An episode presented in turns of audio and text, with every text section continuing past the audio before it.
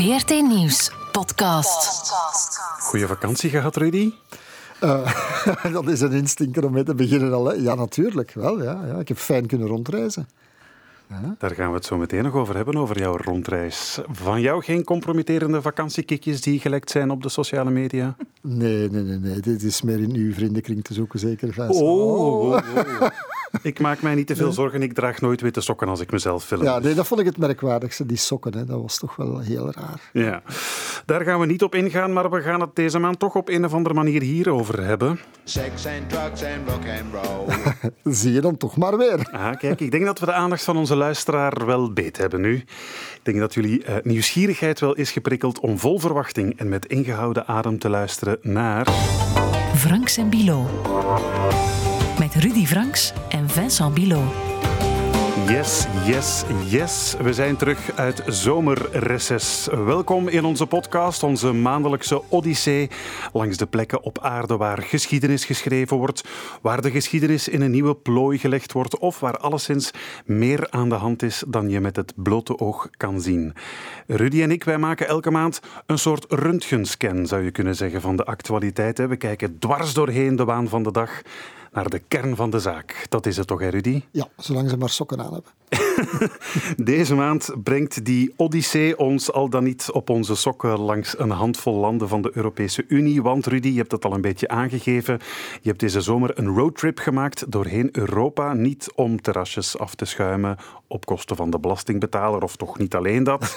maar toch vooral om uit te zoeken hoe uh, Europa eraan toe is na de eerste grote coronagolf. Hè?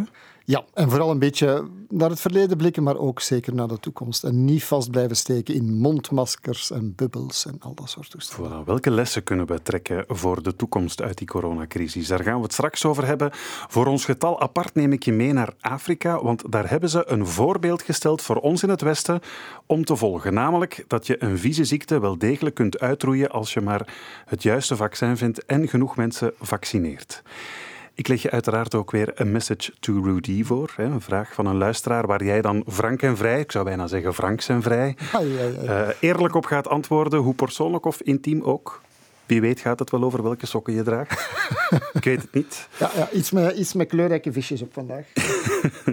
maar eerst proberen we diep in de ziel te krijgen of kijken beter, dat is denk ik de juiste uitdrukking, diep in de ziel van Vladimir Poetin en wat er zich allemaal in zijn hoofd afspeelt. Sex and drugs rock and roll. Ja, goed mogelijk dat ook, maar laten we daar niet op ingaan. Poetin heeft nog wel andere dingen aan zijn hoofd.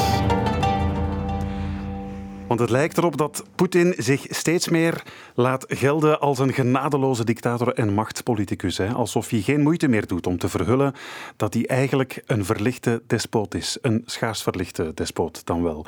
Er is uh, ja, de nauwelijks verholen manier waarop hij zich mengt in Wit-Rusland. Er is de al even ongegeneerde moordpoging op zijn politieke tegenstander Alexei Navalny. En ondertussen slaagt hij erin om met een nieuwe gaspijplijn Europa nog meer afhankelijk te maken van zijn gas. En hij lijkt er nog mee weg te komen, mee weg te komen ook. Hoe blijft hij daarin slagen? We zoeken het uit samen met Poetin-kenner Katlijn Malvliet. Welkom. Bedankt. Ja. Blij dat u er bent. Uh, professor emeritus sociale wetenschappen aan de KU Leuven, uh, gespecialiseerd in Rusland en Poetin in het bijzonder. Hè. U heeft zelfs een, een redelijk lijvig boek over hem geschreven, Poetinisme, een Russisch fenomeen. Het is een patheke, Poetin, dat, dat weten we, dat is een understatement. Maar u bent wel duidelijk door hem eh, gefascineerd. Hè? De titel van uw boek, Poetinisme, dat suggereert dat hij niet zomaar een beetje uh, met een harde hand regeert, maar dat er ook een filosofie achter uh, zijn regime zit, een ideologie. Wat is dat voor u precies, dat, precies dat Poetinisme? Wel, de vraag is of het uh, eigenlijk over Poetin zelf gaat, uh, dan wel over een regime, een manier om met macht om te gaan. Uh, iets wat in Rusland toch totaal anders is dan in onze westerse landen. Uh, Poetin speelt volgens mij zijn rol voortreffelijk als leider uh, van een bepaald regime dat ik een naam geef van competitief autoritarisme. Voilà. Uh, wat betekent dus dat wel degelijk het systeem in Rusland uh, autoritair is, om het op zijn minst te zeggen. Uh, maar langs de andere kant dat men een façade opbouwt, en zeker naar de internationale wereld, van een soort competitie. Competitie tussen partijen, bepaalde individuen die zich naar voren schuiven, zoals een Navalny bijvoorbeeld, als kritisch ten aanzien van het systeem. Maar uiteindelijk ehm, speelt Poetin, volgens mij, en dat werk ik uit in dat boek over Poetinisme, zijn rol als absolute leider die incontournabele is en die uh, ook maar geen enkele kritiek moet dulden van om het even wie, uh, die ook aan niemand verantwoording moet uh, afleggen. Maar, maar, maar, als ik als een simpel historicus een vraag mag stellen, lijkt Poetin het meest op een tsaar of op een Sovjetleider?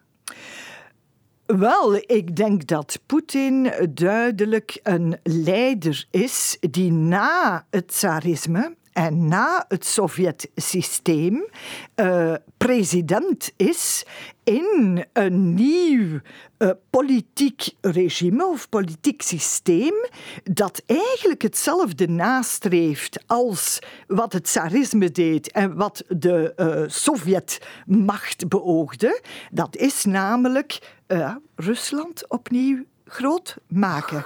Dus dat grootmachtsdenken, Russia great ja, again. dat zit daar nog altijd in. America great again. Ja, maar ik denk dat Rusland dat op een ongelooflijk ingenieuze manier doet.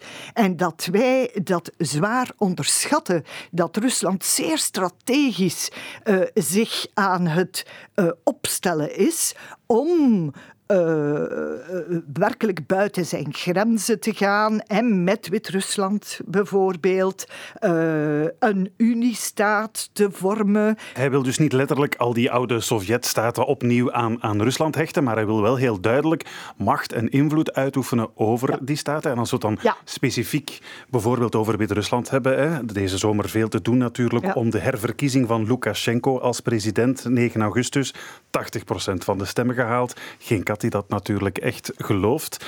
Daar is opstand van gekomen. Uh, opvallend, Poetin is meteen achter Lukashenko uh, gaan staan. Wat, um, op, welke manier probeert hij Wit-Rusland ja, nog dichter naar, naar, uh, naar Rusland zelf te trekken. Want, wat ik eigenlijk niet echt goed wist, er is al een soort van band, er is al een soort van, van unie eigenlijk tussen die twee. Dat zijn geen twee onafhankelijke staten, hè? Nee. Um, ja, dit, dit is toch wel uh, de vraag hoe men dat alles kan bekijken. Ongetwijfeld, u weet, Wit-Rusland werd de laatste dictatuur in Europa genoemd. Want Wit-Rusland ligt eigenlijk hè, centraal in uh, Europa. Uh, en men kan moeilijk zeggen dat wat uh, de laatste maanden is gebeurd uh, en wat nu nog altijd gebeurt, dat dat ook maar enige zweem van democratie heeft. Maar langs de andere kant moet je niet onderschatten dat ook een uh, dictatuur, zelfs als dat een dictatuur is, een zekere steun van de bevolking nodig heeft. 26 jaar lang heeft uh, Lukashenko toch maar gepresteerd van uh, dus van de bevolking gedaan te krijgen dat zij, ik noem het een soort sociaal contract, uh, met hem hadden afgesloten van kijk, wij zorgen dat jij aan de macht blijft en jij zorgt dat wij het relatief goed hebben. Uh, dat wij het economisch goed hebben, dat wij ons geen grote zorgen moeten maken uh, voor uh, de dag van morgen. Dus een soort algemene verzorgingsstaat op zijn Sovjets, inderdaad. Hè? Want Belarus is altijd zeer Sovjet gebleven. Ja, maar... En dat sociaal contract, dat is nu verbroken. Waarom is dat verbroken eigenlijk? Ik bedoel, want ja, oké, okay, Lukashenko heeft schuld ja. aan de Russen, ja. maar waar, kan hij niet meer voorzien in de toekomst en de, de, de bestaanszekerheid van zijn bevolking? Wel, of zit er iets anders? Volgens mij is dat verbreken van dat sociaal contract toch ook wel ergens getriggerd. Hè? Uh, Belarus uh, heeft ook een deep state gehalte, uh, een regime, laat ons maar zeggen, dat beheerst wordt door uh, de Siloviki, zoals we ze noemen, door dus uh, de, de, de mensen van de geheime diensten, door het leger, het militaire enzovoort. Geheime diensten die nu Zij, uh, ook heel veel opposanten in Wit-Rusland uit de weg ruimen, letterlijk. Voilà. Ja, ja. En de vraag is, in welke mate is dat geen provocatie geweest? Hè? Dat men inderdaad diegenen die protesteerden zo hard aanpakte, het feit dat men de, diegenen die werkelijk als oppositiekandidaten um, zich aanmelden bij de verkiezingen, dat men die gewoon achter slot en grendel uh, heeft gezet. Zelfs het feit dat er dan vrouwen de leiding nemen, uh, die dus uh, zeggen van kijk, wij willen niet langer een staat met Lukashenko, dat wijst er allemaal op dat het momentum is aangebroken om dat sociaal contract inderdaad te verbreken. Een momentum dat ongetwijfeld door uh, Rusland uh, zal gebruikt worden om een volgende stap te zetten. Dus Lukashenko weg en Rusland zal een volgende stap zetten. Tot zover het uh, geopolitieke spel dat Poetin speelt. Maar ook in het binnenland deinst hij er niet voor terug om zijn macht te laten gelden. Dan komen we dus bij Alexei, of Alexia, hoe moet ik zeggen? Alex, Alexei. Alexei, Alexei Navalny, hè, dus een van de belangrijkste opposanten van Poetin, die op 20 augustus ziek werd op een vlucht van Tomsk naar Moskou, werd overgebracht naar een ziekenhuis in Berlijn, waar ze dus vaststelden dat Navalny was vergiftigd met Novichok. Doet een belletje rinkelen, typisch Russisch gif, waarmee eerder ook al uh, Sergei Skripal werd vermoord. En opvallend, de Duitse bondskanselier Angela Merkel die liet er weinig twijfel over bestaan wie ze van de vergiftiging van Navalny verdenkt. Ze was zelfs, of ze wees zelfs met een uh, opvallend beschuldigende vinger richting het Kremlin. Damit ist sicher, Alexei Nawalny ist Opfer eines Verbrechens. Er sollte zum Schweigen gebracht werden und ich verurteile das auch im Namen der ganzen Bundesregierung auf das Allerschärfste. Wir erwarten, dass die russische Regierung sich zu diesem Vorgang erklärt. Es stellen sich jetzt sehr schwerwiegende Fragen die nur die russische Regierung beantworten kann und beantworten muss. Ja, dat was een niet mis te verstaan j'accuse aan het adres van Vladimir Poetin. Hoe reageert hij daarop? Wel, uh, op de klassieke manier. Hè, wanneer uh, Poetin dergelijke verwijten krijgt, uh, ook naar aanleiding bijvoorbeeld van de MH17 die neergehaald is in het Oekraïnse luchtruim, dan zegt hij van ja, kijk, zijn er bewijzen zwart op wit dat wij inderdaad hè, uh, dat het Kremlin dat gedaan heeft of dat ik persoonlijk de opdracht uh, zou gegeven hebben. En natuurlijk moet het antwoord daarop zijn: er zijn geen bewijzen zwart op wit. Hè.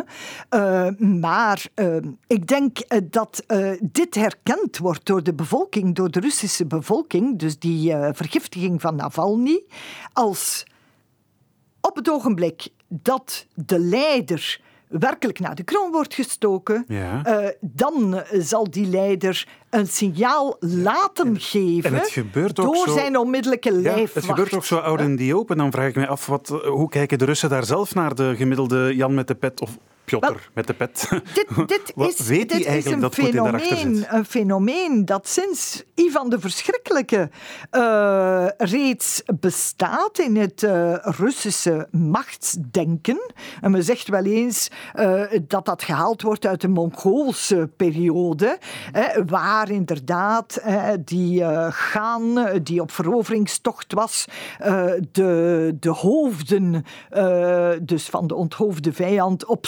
uh, stak op de velden om duidelijk af te schrikken. Ook dit is dus een, een, een duidelijk signaal van kijk, pas op, uh, want uh, als het te ver gaat, als die leider uh, werkelijk uh, wordt uh, ja, op een of andere manier aangevallen, als het ware, zoals gebeurd is ook met Anna Politkovskaya in der tijd, hè, de, de Russische journaliste, wel, dan laat ik mijn oprichniki toeslaan.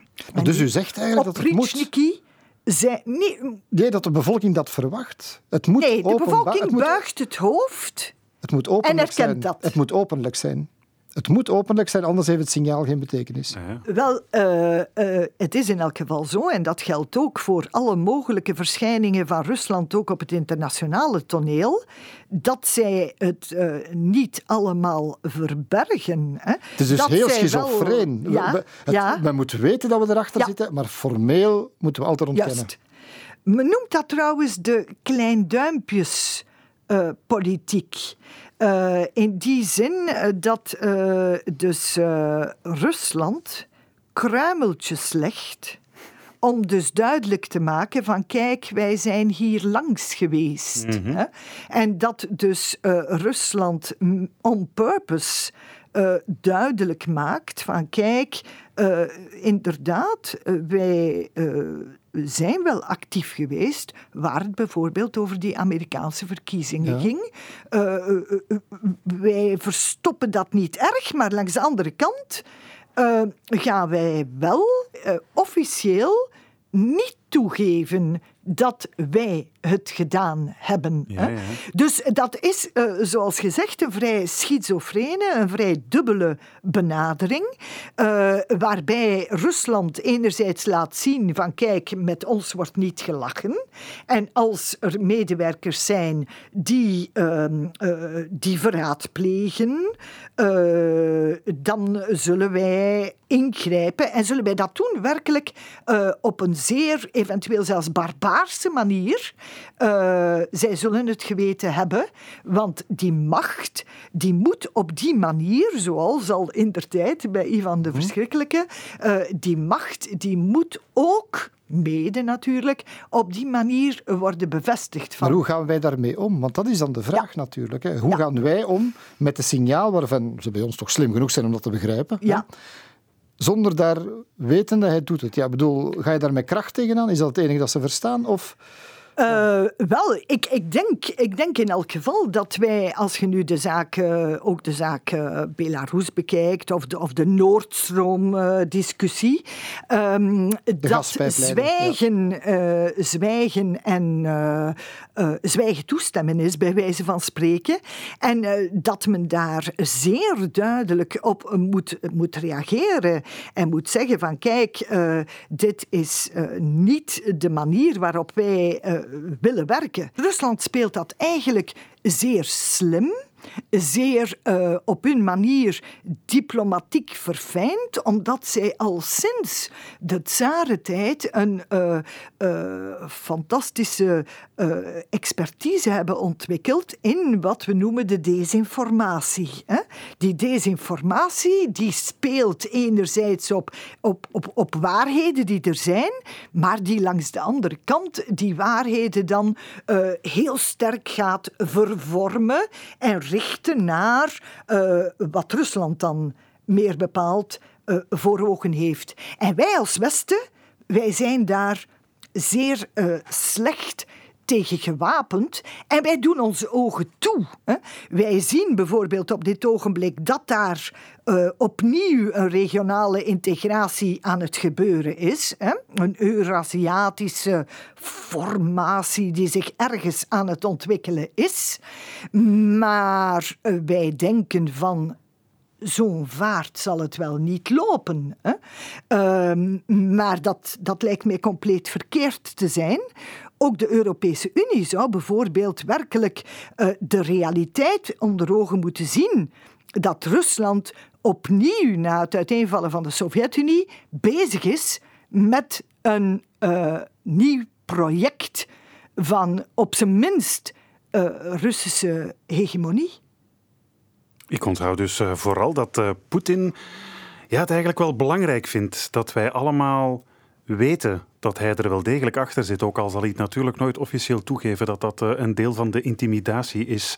En ik onthoud ook dat wij uh, als Westen... Ik zou het niet alleen op Poetin uh, concentreren. Nogmaals, Poetin is degene die naar voren komt. Maar het gaat dus werkelijk om dat ja, merkwaardige fenomeen dat we het Kremlin noemen. Hè? Ja, ja, ja. Maar is het enige mogelijke antwoord dan, denk ik nu, een onvermijdelijke koude oorlog opnieuw? Oh, het, zal geen, het zal geen koude oorlog zijn. Uh, Warme oorlog? Het, het, wordt niet een Rusland dat met uh, de tanks en uh, de Kalashnikovs tot bij ons komt. Het zal veel subtieler zijn. wat ik verwacht is dat ehm, dus na een periode waarin dus Europa, zoals wij het zien, de Europese Unie, eigenlijk heeft gedacht van zijn model op te leggen aan die postcommunistische staten, uh, dat dus het rollenspel omgekeerd zal worden en dat dus Rusland uh, ditmaal omringd door een Eurasiatische constructie de norm zal gaan opleggen. En dat Rusland uh, eigenlijk naar het westen toe naar dat Europa in die Eurasiatische constructie eigenlijk normatief zal worden. Denkt u dan aan Hongarije en zo? Dat zit er zeker bij. Centraal-Europa. Ja, ja, eh, absoluut. Onze, onze systemen zeker aantasten. En vast, zeker en vast. Uh, dus die, uh, uh, het ondermijnen van wat ons zo sterk maakt, namelijk die, dat geloof in die democratie. Het ondermijnen van die democratie is al jaren natuurlijk bezig. Wij hebben daar niets vermoedend of weinig vermoedend, zijn daar niet sterk op ingegaan. Maar dat proces dat proces is wel degelijk doorgegaan. Ik heb nog één kleine zaak om op te gooien, want u, u neemt mijn gedachten mee. Is, uh, dat, we hebben ooit eens onderzocht dat er sterke banden zijn tussen extreem rechts in West-Europa en het Kremlin. Ja. Dat dat eigenlijk compagnons de route zijn in zekere zin. Ja, dat, dat is dus zeker één van de onderdelen. Ik zou daar uren over kunnen praten, maar dat is één van de elementen uh, dus, uh, waarin Rusland zijn buitenlandse politiek en zijn geopolitiek uitzet, zodanig dat dat democratisch gedachtegoed uh, wordt ondermijnd. Maar dus het is niet makkelijk om daar tegen in te gaan, omdat nogmaals Rusland daar wel um, geen kleine jongen is. Oh nee, ze hebben veiligheidsdiensten waar de leugen regeert, juist, zullen we maar zeggen. Juist, ja. juist. En dus bijvoorbeeld van een Orbán heeft men van, van in het begin uh, van de postcommunistische transformatie uh, in Hongarije uh, waren er signalen van kijk, Orbán is misschien met zijn partij Fidesz niet zo democratisch rechtgeaard als men wel zou denken. Die geruchten gingen van in het begin maar natuurlijk was dat in het Hongarije van toen, hè, dat, dat vrij geworden was en dat eindelijk het juk van het communisme had afgeworpen, um, dat was niet geloofwaardig van te zeggen, kijk, uh, uh, die Orbán is nu eigenlijk iemand die eerder met die geheime diensten uh, van het Kremlin dus blijkbaar banden heeft of zelfs een opdracht heeft. Maar als men dan ziet hoe er een verdere evolutie is geweest in Hongarije, uh, weg van de democratie. Hè, en op een provocatieve manier, zeer duidelijk, uh, de Europese Unie werd uitgedaagd, uh, dan begint je daar misschien wel anders over te denken. Ja. Nog een klein slotvraagje. Het is een publiek geheim dat Rusland graag Trump in het Witte Huis ziet zitten. Hè. Er wordt wel gezegd dat ze op een of andere manier de vorige presidentsverkiezingen hebben proberen te beïnvloeden of effectief beïnvloed hebben. Wat zal de impact zijn van de Amerikaanse presidentsverkiezingen nu? Een groot verschil als het opnieuw Trump wordt of toch Biden? God, daar vraagt u mij toch wel ver in een glazen bol te kijken. Maar het is wel duidelijk dat Trump uh, door Rusland uh, zeer duidelijk onder druk kan gezet worden. De Democraten weten maar al te best uh, dat dus op een bepaald ogenblik de Democratische Conventie werkelijk gehackt is. dat valt moeilijk te ontkennen. en zij zijn dus langs de ene kant meer wantrouwig ten opzichte van eh, wat, uh, wat Rusland uh, eigenlijk probeert aan te richten in het ondermijnen van de democratie.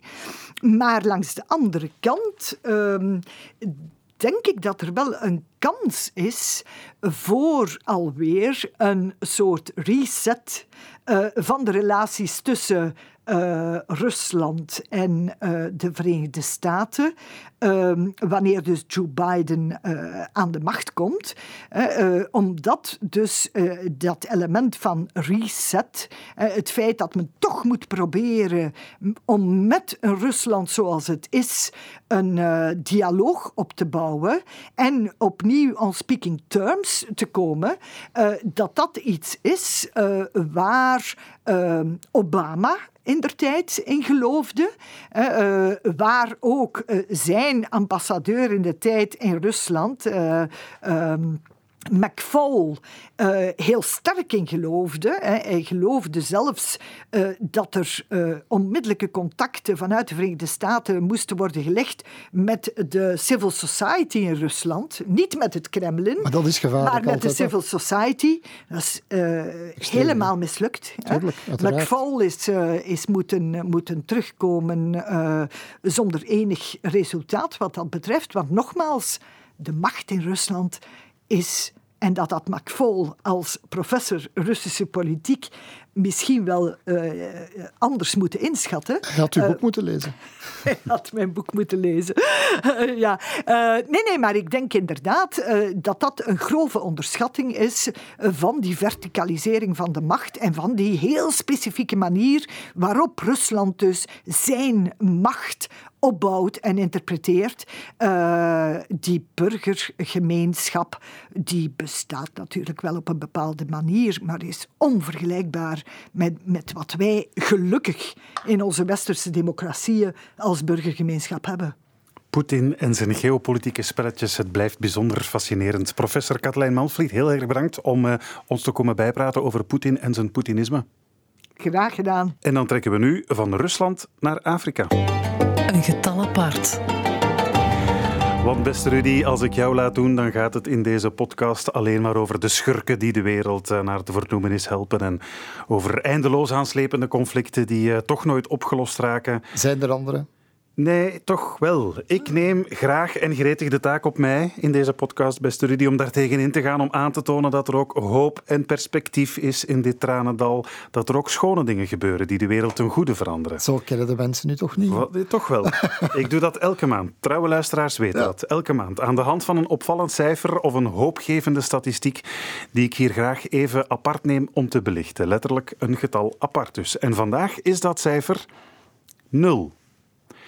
Nul, want zoveel gevallen van polio zijn er op dit moment in Afrika. 0,000.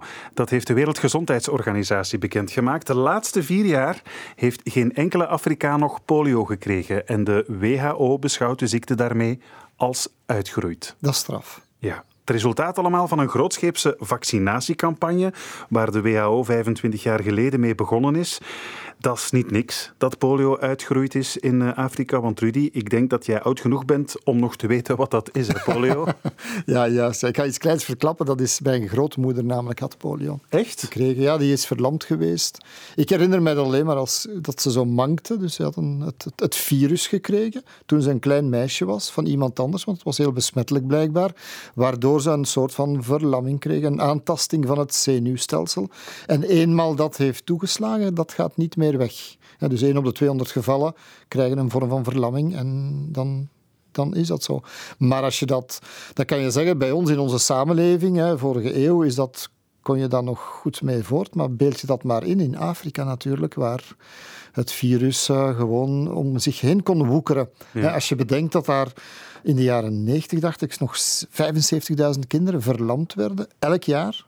En dat is nu vermeden. Men heeft het over 1,8 miljoen poliogevallen die vermeden zijn, om nu op zero uit te komen. Dus ja. fantastisch toch? Fantastisch. Hè? En trouwens, eh, Rudy, jouw uh, grootmoeder is niet de enige uh, bekende persoon die uh, met polio heeft te maken gekregen. Denk maar aan deze kerel. Sex and drugs and rock and roll. Daar hebben we hem. Is all my brain and body need. De Britse rocker Ian Dury hè, had in 77 nog een dikke hit met Sex and Drugs and Rock and Roll. Hij werd op zijn zevende uh, ziek van polio, hield er een verlamd hand en een verlamd been aan over. En hij werd zelfs UNICEF-ambassadeur tegen de ziekte. En er zijn nog uh, bekende polio-patiënten, Rudy. Frida Kahlo bijvoorbeeld. Ah, ja, regisseur Francis Ford Coppola heeft het gehad. Ook, ja, wat, ja. ja, maar nooit geen verlammingen al over gehad. voor zover ik weet heeft hij er niet heel veel last van gehad. Maar Joni Mitchell bijvoorbeeld heeft het ook gehad. En die heeft zelfs op een andere manier moeten leren gitaar spelen. En het heeft mooi resultaat geleverd. Absoluut, ja. En uh, sommige historici leiden uit geschriften zelfs af dat uh, de Romeinse keizer Claudius ook polio... Ja, die ken ik van de televisieserie. Hi Claudius.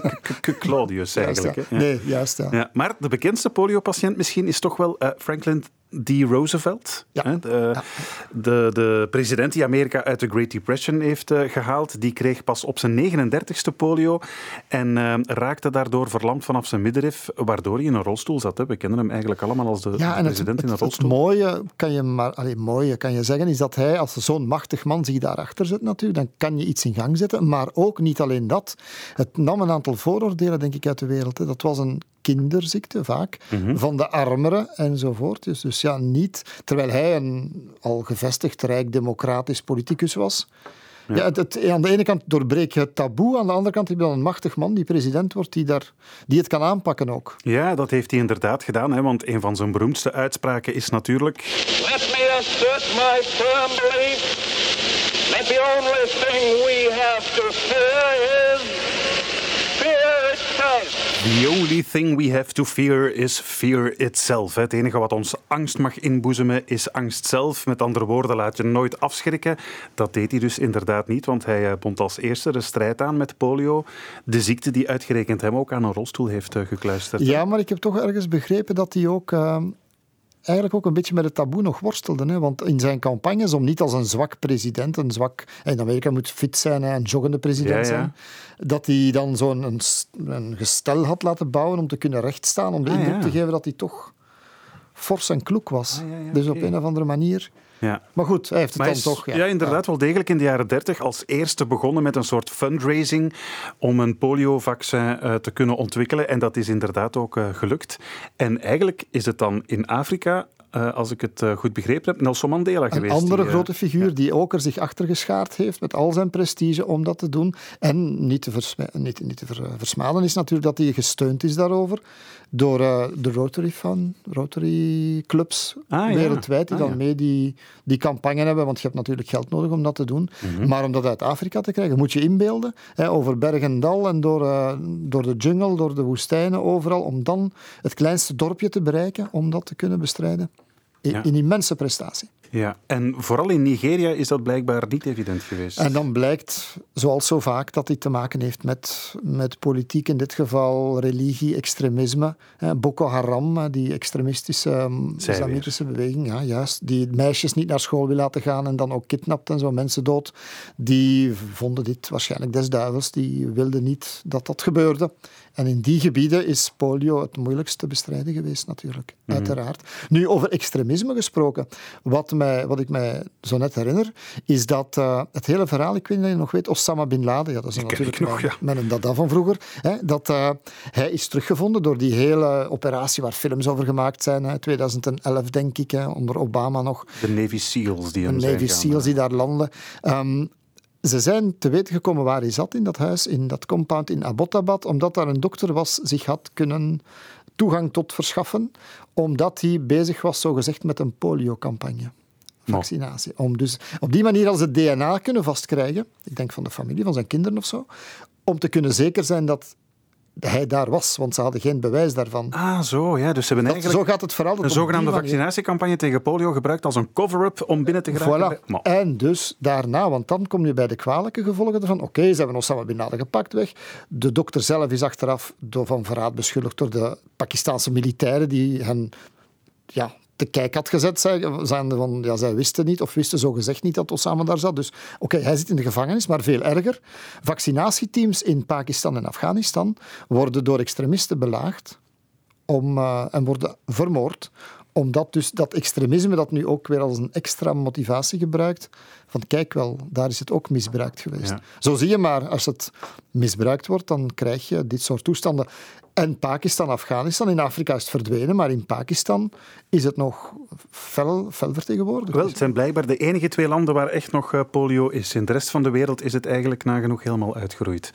Uh, bij ons trouwens ook al lang, hè, uh, sinds de jaren 50, 60. We hebben daar uh, eens over gebeld met Corinne van der Meulen, vaccinologe aan de KU Leuven, die onder meer verantwoordelijk is voor de vaccinvoorraden die ons land nodig heeft. en zij wijst ook op de toch wel cruciale rol die het vaccin ook bij ons heeft gehad om polio uit te roeien. Tot de jaren 50, 60 circuleerde polio hier ook. En het is dankzij grootschalige vaccinatiecampagnes dat eigenlijk polio bij ons al heel lang niet meer voorkomt. In dat opzicht zijn vaccins het slachtoffer van hun eigen succes, omdat de mensen weten niet meer wat de ziekte betekent. En ze zien alleen nog maar de beperkte nevenwerkingen van het vaccin die dan bovendien op het internet ook nog eens opgeklopt worden. En daar raakt Corinne van der Meulen natuurlijk een uh, gevoelig actueel punt aan. Hè? De zogenaamde vaccinatieskepsis die serieus opgang maakt tegenwoordig. Ja, die in Amerika al fel zich aan het verspreiden is. De natuurlijk, antivaxers. Ja. Maar is ook in Europa absoluut. Ja, dat zijn mensen die dus uh, ja, uh, geloven dat, dat uh, vaccins deel uitmaken van een complot van een of andere elite om ons gewone burgers ziek te maken. dat belooft als we straks corona gaan moeten uitroeien met een vaccin, Rudy. Want dus dat vaccin dat zou er mogelijk in de lente van volgend jaar wel eens kunnen zijn. Maar zo wees een enquête onlangs uit. Amper 7 op de 10 Belgen zouden zich ook effectief willen laten inenten tegen corona. 3 op de 10 Belgen dus niet. Ja, maar dat betekent wel, als je 7 op de 10 laat inenten, dat de reproductie van dat virus dan ook weer fel verzwakt en misschien het virus wel kan bestreden worden. Ja, maar er wordt gezegd toch dat er een vaccinatiegraad van 80% zou moeten zijn om het echt uh, te kunnen wegkrijgen, uh, corona. Het probleem met dit vaccin gaat zijn natuurlijk dat bij polio werkt het. Hè? Het vaccin, polio verdwijnt. Er zijn een aantal gevallen van een gemuteerde versie in Afrika die, ja. die nog bestaan. Maar, maar goed, het, het, werkt voor polio. Voor het vaccin voor corona vreest men, of tegen corona vreest men, net zoals bij de griep, dat het niet helemaal werkt. Dat het ook maar voor 7 op 10, 6 op 10 à 7 op 10 mensen gaat werken. En dan zit je met een ander probleem natuurlijk. Dan kunnen die sceptici, die antivaxers wel zeggen, ja, ja, zoveel bijwerkingen, werkt het wel? Is uh, money talks hier? Is dat om Big Pharma rijk te maken? Enzovoort. -hmm, ja. En bovendien zegt um, vaccinologe Corinne van der Meulen ook dat uh, ja, in navolging van uh, polio het nog niet zo evident zal zijn om corona in Afrika uh, weg te krijgen, omdat er wat ja, praktische hindernissen in de weg staan. Het voordeel is dat we in hoofdzaak volwassenen zullen vaccineren. Maar het aantal mensen dat gevaccineerd wordt is nog veel groter, want ja, je gaat bijna een wereldbevolking moeten vaccineren om het coronavirus onder controle te krijgen. Dus de, taak die ons te wachten staat, daar is nog veel groter. Al was het al maar bijvoorbeeld logistiek, voldoende flesjes hebben om de vaccins in uh, op te slaan, te bewaren, het transport, de, de koelkasten, de koeling die zal moeten voorzien worden. Er zijn vaccins die oké tussen 2 en 8 graden moeten bewaard worden. Maar er zijn ook vaccins bij die op min 70 moeten bewaard worden. Hoe ga je dat in Afrika realiseren? Nou, de uitdagingen zijn enorm. De uitdagingen zijn enorm. En trouwens, Rudy, je hebt onlangs ook zo'n antivaxer geïnterviewd in Duitsland, hè? Ja, een van de leidende figuren daar is met een eigen politieke partij gestart. Men noemt dat daar queerdenken, dwarsdenken, jawel. Dat ja. was... Maar ik ga me wel laten inenten, hoor. Ik, ik zou het je aanraden. Ik ga, ik ga het zeker ook doen. Ja. En ik raad iedereen die nu aan het luisteren is aan om hetzelfde te doen. Absoluut. En trouwens, die antivaxer die je hebt geïnterviewd, uh, beste Rudy, dat was voor de reeks die nu op Canvas loopt. Een zomer als geen andere. Zullen we het daar eens over hebben? Graag. Franks en Bilo. Want Rudy, jij bent afgelopen zomer met een camper door Europa getrokken. Niet alleen om je eens goed te buiten te gaan aan. Sex and drugs and rock and roll. Of toch niet alleen. Eh, je bent gaan uitzoeken welke impact de coronacrisis uh, heeft gehad in de verschillende Europese landen en voor welke uitdagingen die crisis ons plaatst. Uitdagingen ja, om ons post-corona-maatschappij misschien wel beter te maken dan onze samenleving ervoor. Wie weet. Een zomer als geen andere dus. Hè. Zo uh, heet jouw On the Road documentaire. Afgelopen week konden we de eerste aflevering al bekijken op Canvas.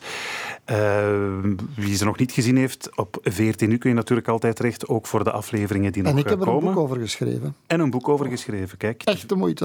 Te vinden in de betere boekhandel, die trouwens ook wat steun kan gebruiken nadat ze zo lang ja. gesloten En de armere auteur ook. Maar uh, Rudy, voor wie die eerste aflevering nog niet zou gezien hebben, um, wat was precies het opzet? Um, in de eerste plaats, dat waren vier oudere blanke heren met een baard. Dus dat, van die, dat liedje van u, Sex and Drugs and Rock and Roll. Ja, want je zit niet alleen in die camper. ja, dat is waar. Ja. Nee, we zijn met twee campers, um, omdat we niet zeker waren in het voorjaar. Hoe kan je opnieuw, als de wereld open gaat, reizen? En met campers, onze eigenste bubbel, waarmee we een maand lang hebben rondgereisd. Um, we wilden vooral niks doen over mondmaskers en en al die concrete toestanden waar we eigenlijk een half jaar lang mee om de oren geslagen zijn, waar we angstvallig naar aan het luisteren waren elke dag.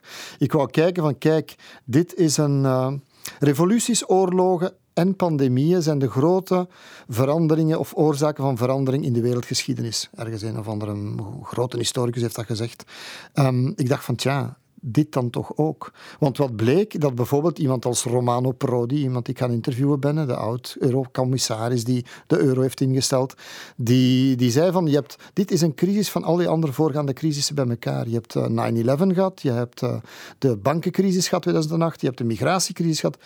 Dit is erger, want het verzamelt alle mogelijke elementen van die crisis. Dit is de grootste verandering misschien waar we mee te maken zullen krijgen bij elkaar in een eeuw tijd. Als je nu begint te horen van de economische crisis, wat, waar, wat staat ons te wachten en zo. Mhm. Dus ik wou op zoek gaan in Europa, reizend door Frankrijk, Duitsland, Oostenrijk, Zwitserland en vooral Italië, om te zien van kom ik plekken tegen waar die elementen van verandering al in zitten. Wat staat ons te wachten? Op alle mogelijke vlakken. Niet alleen op gezondheidsvlak. Ja. En dat vond ik het uh, voor mij fascinerende. En ik wou ook vooral onze mensen, en ook de kijker-lezer, meetrekken uit dat we een beetje uit onze eigen bubbel in ons hoofd kruipen en, en durven zien naar het bredere plaatje. Ja, ja. En uh, je hebt daarvoor uh, onder meer ook verschillende grote denkers, toch wel, mag ik zeggen, geïnterviewd. Een van die denkers die hebt gesproken is uh, de Nederlandse schrijver Ilja Leonard Pfeiffer, wiens boeken ik trouwens niet genoeg kan aanraden. Ik ben een bijzonder grote fan. Ilja Leonard Pfeiffer, die natuurlijk net als jij Italië als zijn tweede thuisland beschouwt, heeft aan de lijve ondervonden, hè, wonende in Genua, hoe Italië loodzwaar getroffen is door het virus. En ja, volgens hem, zegt hij dus in jouw reeks, eh, Rudy, volgens hem staat eh, Europa op niets minder dan een kantelpunt in haar bestaan. Dit is een existentieel moment. Uh, Europa moet nu laten zien wat het waard is. De enige hoop die we kunnen hebben om hier uit te komen, en misschien beter uit te komen, is Europese samenwerking. Voel jij dat ook zo aan, Rudy? Is dit de ultieme test voor het Europese project? Want Europa is eigenlijk die eerste maanden van de coronacrisis compleet afwezig geweest. Hè? Absoluut. We zijn ook in Schengen gestart trouwens. Het, het symboolplaats van de grenzen die opengingen, waar de grenzen plotsklaps allemaal weer dichtgingen. Hè. Die mensen waren van elkaar afgesneden. Um, daar ondervond men aan de lijve en zegt men, ja, wij moeten opnieuw die open grenzen hebben. Eigenlijk was dat meer een symboolplaats, maar Europa, eigenlijk is voor mij dat virus wat, wat, heeft dat, wat, heeft dat, virus gedaan? Het maakt ons ziek, ons lichaam ziek, maar het maakt ook de economie ziek. Het maakt uh, de politieke systemen ziek. Het maakt Europa ziek. Dus eigenlijk, wat zwak is, zal weg, zal niet meer blijven bestaan. En in dat opzicht heeft, uh, heeft uh, Pfeiffer gelijk natuurlijk. Hè. Dus Europa staat voor een existentieel moment. Het moest iets doen en het werd geconfronteerd met een crisis in gezondheid waar het niet bevoegd voor is. Want dat mhm. vergeet men vaak. Dat ligt niet aan Europa, dat ligt aan de lidstaten. Maar wat blijkt, Europa groeit ook altijd in crisissen. Tijdens de bankencrisis hadden we ook niks aan economie te zeggen. Men heeft daar ook een mouw aan proberen te passen. Ook nu is Europa bezig om zijn verandering door te zetten. Eigenlijk, de conclusies die ik mee kon trekken of kon zien onderweg, ik heb die horen weer klinken. Ze zijn op, op, eigen kracht tot die conclusie gekomen in de speech van Ursula von der Leyen voor het Europees Parlement, haar beleidsspeech voor de komende jaren. Die hebben dezelfde analyse gemaakt als mm Pfeiffer doet en als je rondtrekt, die we doet. Europa moet nu kiezen. Wat gaan we doen aan onze gezondheid collectief? Wat gaan we doen aan het, aan het klimaat? Want dat is een corona in slow motion, wat al die klimaatwetenschappers zeggen. Wat gaan we doen met de, met de ecologische omslag um, naar elektrisch fietsen, elektrisch rijden enzovoort? En ja, dat is, uh, ik vond het een uh, confronterende, in dat opzicht zelfs confronterende tocht. Ja, voor we het eh, nog eens even hebben over dat, dat ecologische aspect. Je zoekt ook een beetje de, de, de politieke uh, uitval van deze uh, crisis uh, op. En je hebt dat onder andere gehad met, is het een, een, historicus over de, de vorige pandemie die in Europa to toesloeg tijdens de Eerste Wereldoorlog, de, de Spaanse griep. En wat daar de, de, de politieke gevolgen van, van waren en welke parallel we zouden kunnen trekken met nu. Laten we eens even luisteren. Hoe heet die? die het is politoloog, een Bulgaar, Krastev. Een van de meest originele en boeiende denkers van het, van het moment, vind ik. Laten we eens even luisteren naar wat hij te zeggen had in de eerste aflevering. Historical research have been done, and for example, it appeared that in Germany, the municipalities in which most people as a percent have died as a result of the Spanish flu were also the municipalities in which uh, the highest percent of people voted for the Nazi Party. Is it going to be the same? We don't know. And also, at least for the moment, we cannot compare at all the death that was caused by the Spanish flu compared to the COVID 19. Uh, but extremism can come from different directions because extremism comes from the fact that people don't trust the system anymore.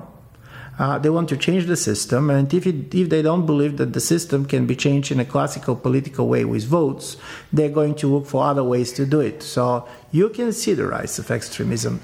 Dus de Duitse regio's, de dorpjes die het hardst getroffen werden tijdens de Eerste Wereldoorlog door uh, de Spaanse griep, daar hebben ze ook het meest massaal gestemd eigenlijk voor uh, de opkomende nazi-partij. Je kan dat een statistische analyse noemen, maar tegelijkertijd, of dat je het kausaal, het oorzakelijk verband kan leggen, die regio's waren het meest getroffen natuurlijk zowel door slachtoffers van de oorlog als door de Spaanse griep. Want die Spaanse griep is meegebracht met vluchtelingen, met krijgsgevangenen, met soldaten. Dat was hun vari toenmalige varianten van nu massatoerisme eigenlijk, waardoor het virus verspreidde. Mhm. Die zijn het zwaarst getroffen in die chaos, in die armoede. Uiteraard gedijt extremisme daar het meest en in angst. Maar wat je nu ook merkt, um, ik ben ook met een antivaxer, zo een, een dokter, een, een, spoedarts die ook gespecialiseerd is in vertigo, duizelingen, whatever, een hooggeleerde mens in een witte jas, die uh, een van die beweging mee leidt in Duitsland, die tienduizenden mensen op de been kan brengen en het een soort van medisch aureool geeft van wij geloven niet meer in het systeem zoals het nu is. En wat krijg je daar rond? Extreem neonazisten krijg je daar rond, uh, extreme bomenknuffelaars bij manier van spreken. Allee, weet je, een heel amalgaan van mensen die in complotdenken geloven, die niet meer in het systeem geloven. En dan krijg je wel, dan zit je wel met een probleem natuurlijk. Hè. Vandaar ook mijn beginuitgangspunt. Dit virus tast ons lichaam aan, maar tast ook ons politiek systeem aan. Dus wat zwak is en zich niet kan verweren of geen antwoord biedt daarop, die, uh, ja, die gaat ten onder. Nu, Duitsland, dat heb ik ook wel gemerkt, is eigenlijk opnieuw plots deze crisis een soort van gidsland in Europa geworden. Hè? In de bestrijding van het virus, in de manier waarop ze de, de omschakeling ecologisch, de economische omschakeling waarin ze bezig zijn. De as van der Leyen in Europa en Merkel werkt wel hè, voorlopig. Mm Dus je hebt ook positieve kanten aan diezelfde uitdaging. Maar uh, ik vond het boeiende denkers om, om daarop door te gaan. Hè. Ja, ja, want met sommige denkers heb je het ook gehad over de effecten op wat langere termijn. Onder meer met de microbioloog Herman eh, Goossens, die we de laatste maanden ook heel veel op eh, televisie gezien hebben. Laten we eens even luisteren. Voor mij zijn er veel grotere uitdagingen. Uh, die klimaatverandering bijvoorbeeld, dat is pas een, een uitdaging. Um, en daar wordt natuurlijk nu weinig over gesproken, omdat alles nu corona, corona, corona, corona is. Maar dat is voor mij de grote uitdaging op lange termijn. Dus de mensen die met klimaat bezig zijn, die schreven al twintig jaar van de daken dat er een groot probleem en een groot drama op ons afkomt. En toch denkt dit niet door, eh, ook omdat men natuurlijk het niet aan de lijve ondervindt. Wat hij eigenlijk zegt is, mochten we dezelfde urgentie voelen uh, als nu met het coronavirus, we zouden al veel langer en veel heftiger in gang geschoten zijn om iets aan het klimaatprobleem te doen. Dat is de constatatie van, van al die wetenschappers. Die zeggen van op één dag, plotsklaps, konden alle vliegtuigen aan de grond blijven, het, het vervoer viel stil. Alles wat nodig is, op dat moment mhm. gebeurde. Voor het klimaat trekken we aan de alarmbel al zo, al vele decennia en het gebeurt niet. Die constatatie die, die legde mij dat uit toen hij mij meepakte, een glacioloog van, van deels Belgische origine, in de Zwitserse Alpen. Zwitserse, aan, aan de grens met Italië, de Morteratsch-gletsjer. Die man die meet al vele, vele jaren het verdwijnen van de gletsjers in Europa. Je moet je inbeelden, de gletsjers, dat zijn onze watertorens eigenlijk, hè, waar het water van naar de vallei stroomt. Net zoals de Noordpool, dat ook is voor de zee. Die gletsjers zijn onze watertorens. Als we op deze manier voortgaan, dan is over enkele decennia zijn de gletsjers verdwenen in Europa kun je inbeelden wat dat voor gevolgen op termijn gaat hebben. En hij nam mij mee naar die gletsjer, waar je kon zien vanaf het jaar 1900 hoe die gletsjer kilometer na kilometer na kilometer, vele ettelijke kilometers, verdween. En dan sta je daar plots op een plek dat is echt van, kijk, het ijs kwam hier 10 meter hoog. Ja. En nu groeien hier bomen. En de gletsjer die vijf jaar geleden hier nog was, die kan je nu amper nog zien, ging erachter. Dan worden we wel heel klein, moet ik zeggen. Dan denk ik van ja, waar zijn we mee bezig? We zijn, soms verliezen we wel onze focus. Ja, een eye-opener is het op uh, vele gebieden. Dus de nieuwe reeks van uh, Rudy Franks op uh, Canvas. Elke dinsdagavond is het, hè? Elke dinsdagavond, absoluut. een zomer als geen andere. Uiteraard ook te bekijken op VRT Nu. Maar nu wordt het pas echt interessant.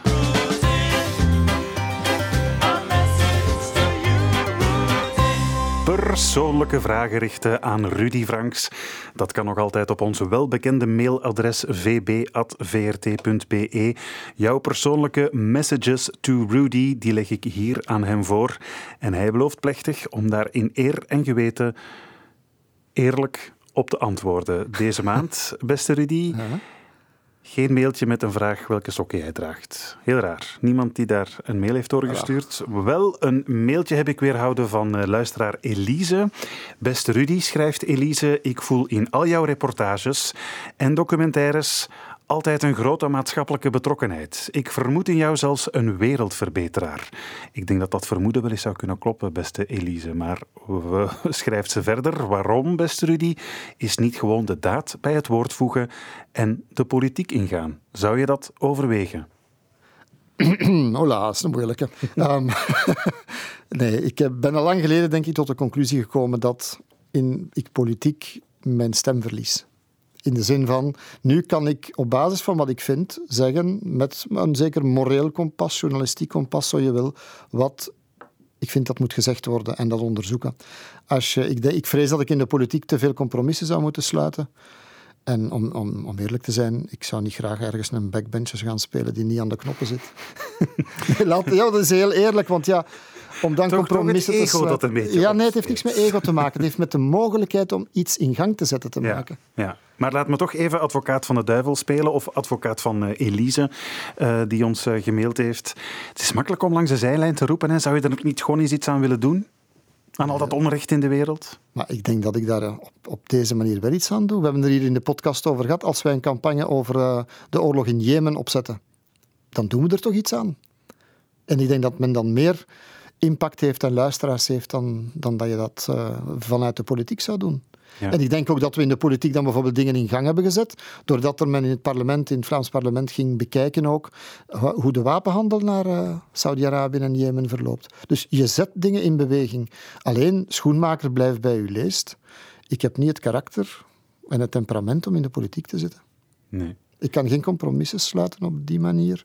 En bovendien, ik zou niet weten voor welke partij, eerlijk Ah, maar dat, dat was nu net het tweede deel, het tweede deel van haar vraag. Nee, nee ik zou het niet weten, want ik ben... Allez, ik, ik kan groen, geel, blauw, rood zijn, van alles, zwart niet, maar bedoel, vele andere kleuren zou kunnen zijn, afhankelijk van over welk thema het gaat en hoe je het aanpakt. Ja, maar je bent dus eigenlijk, zoals was het Jan Bekous altijd zei, nee, nee, nee. moet, moet uh, zijn zoals een aardappel, smaak en geurloos? Nee, nee, nee, Ik geloof in gerechten die goed gekruid zijn. ja. Maar ik zal ze zelf wel kruiden. Ongezouten, maar flink gepeperd, zal ik het zo samenvatten. Bijvoorbeeld. Oké. We zijn er weer door, zeg. Franks en Bilo.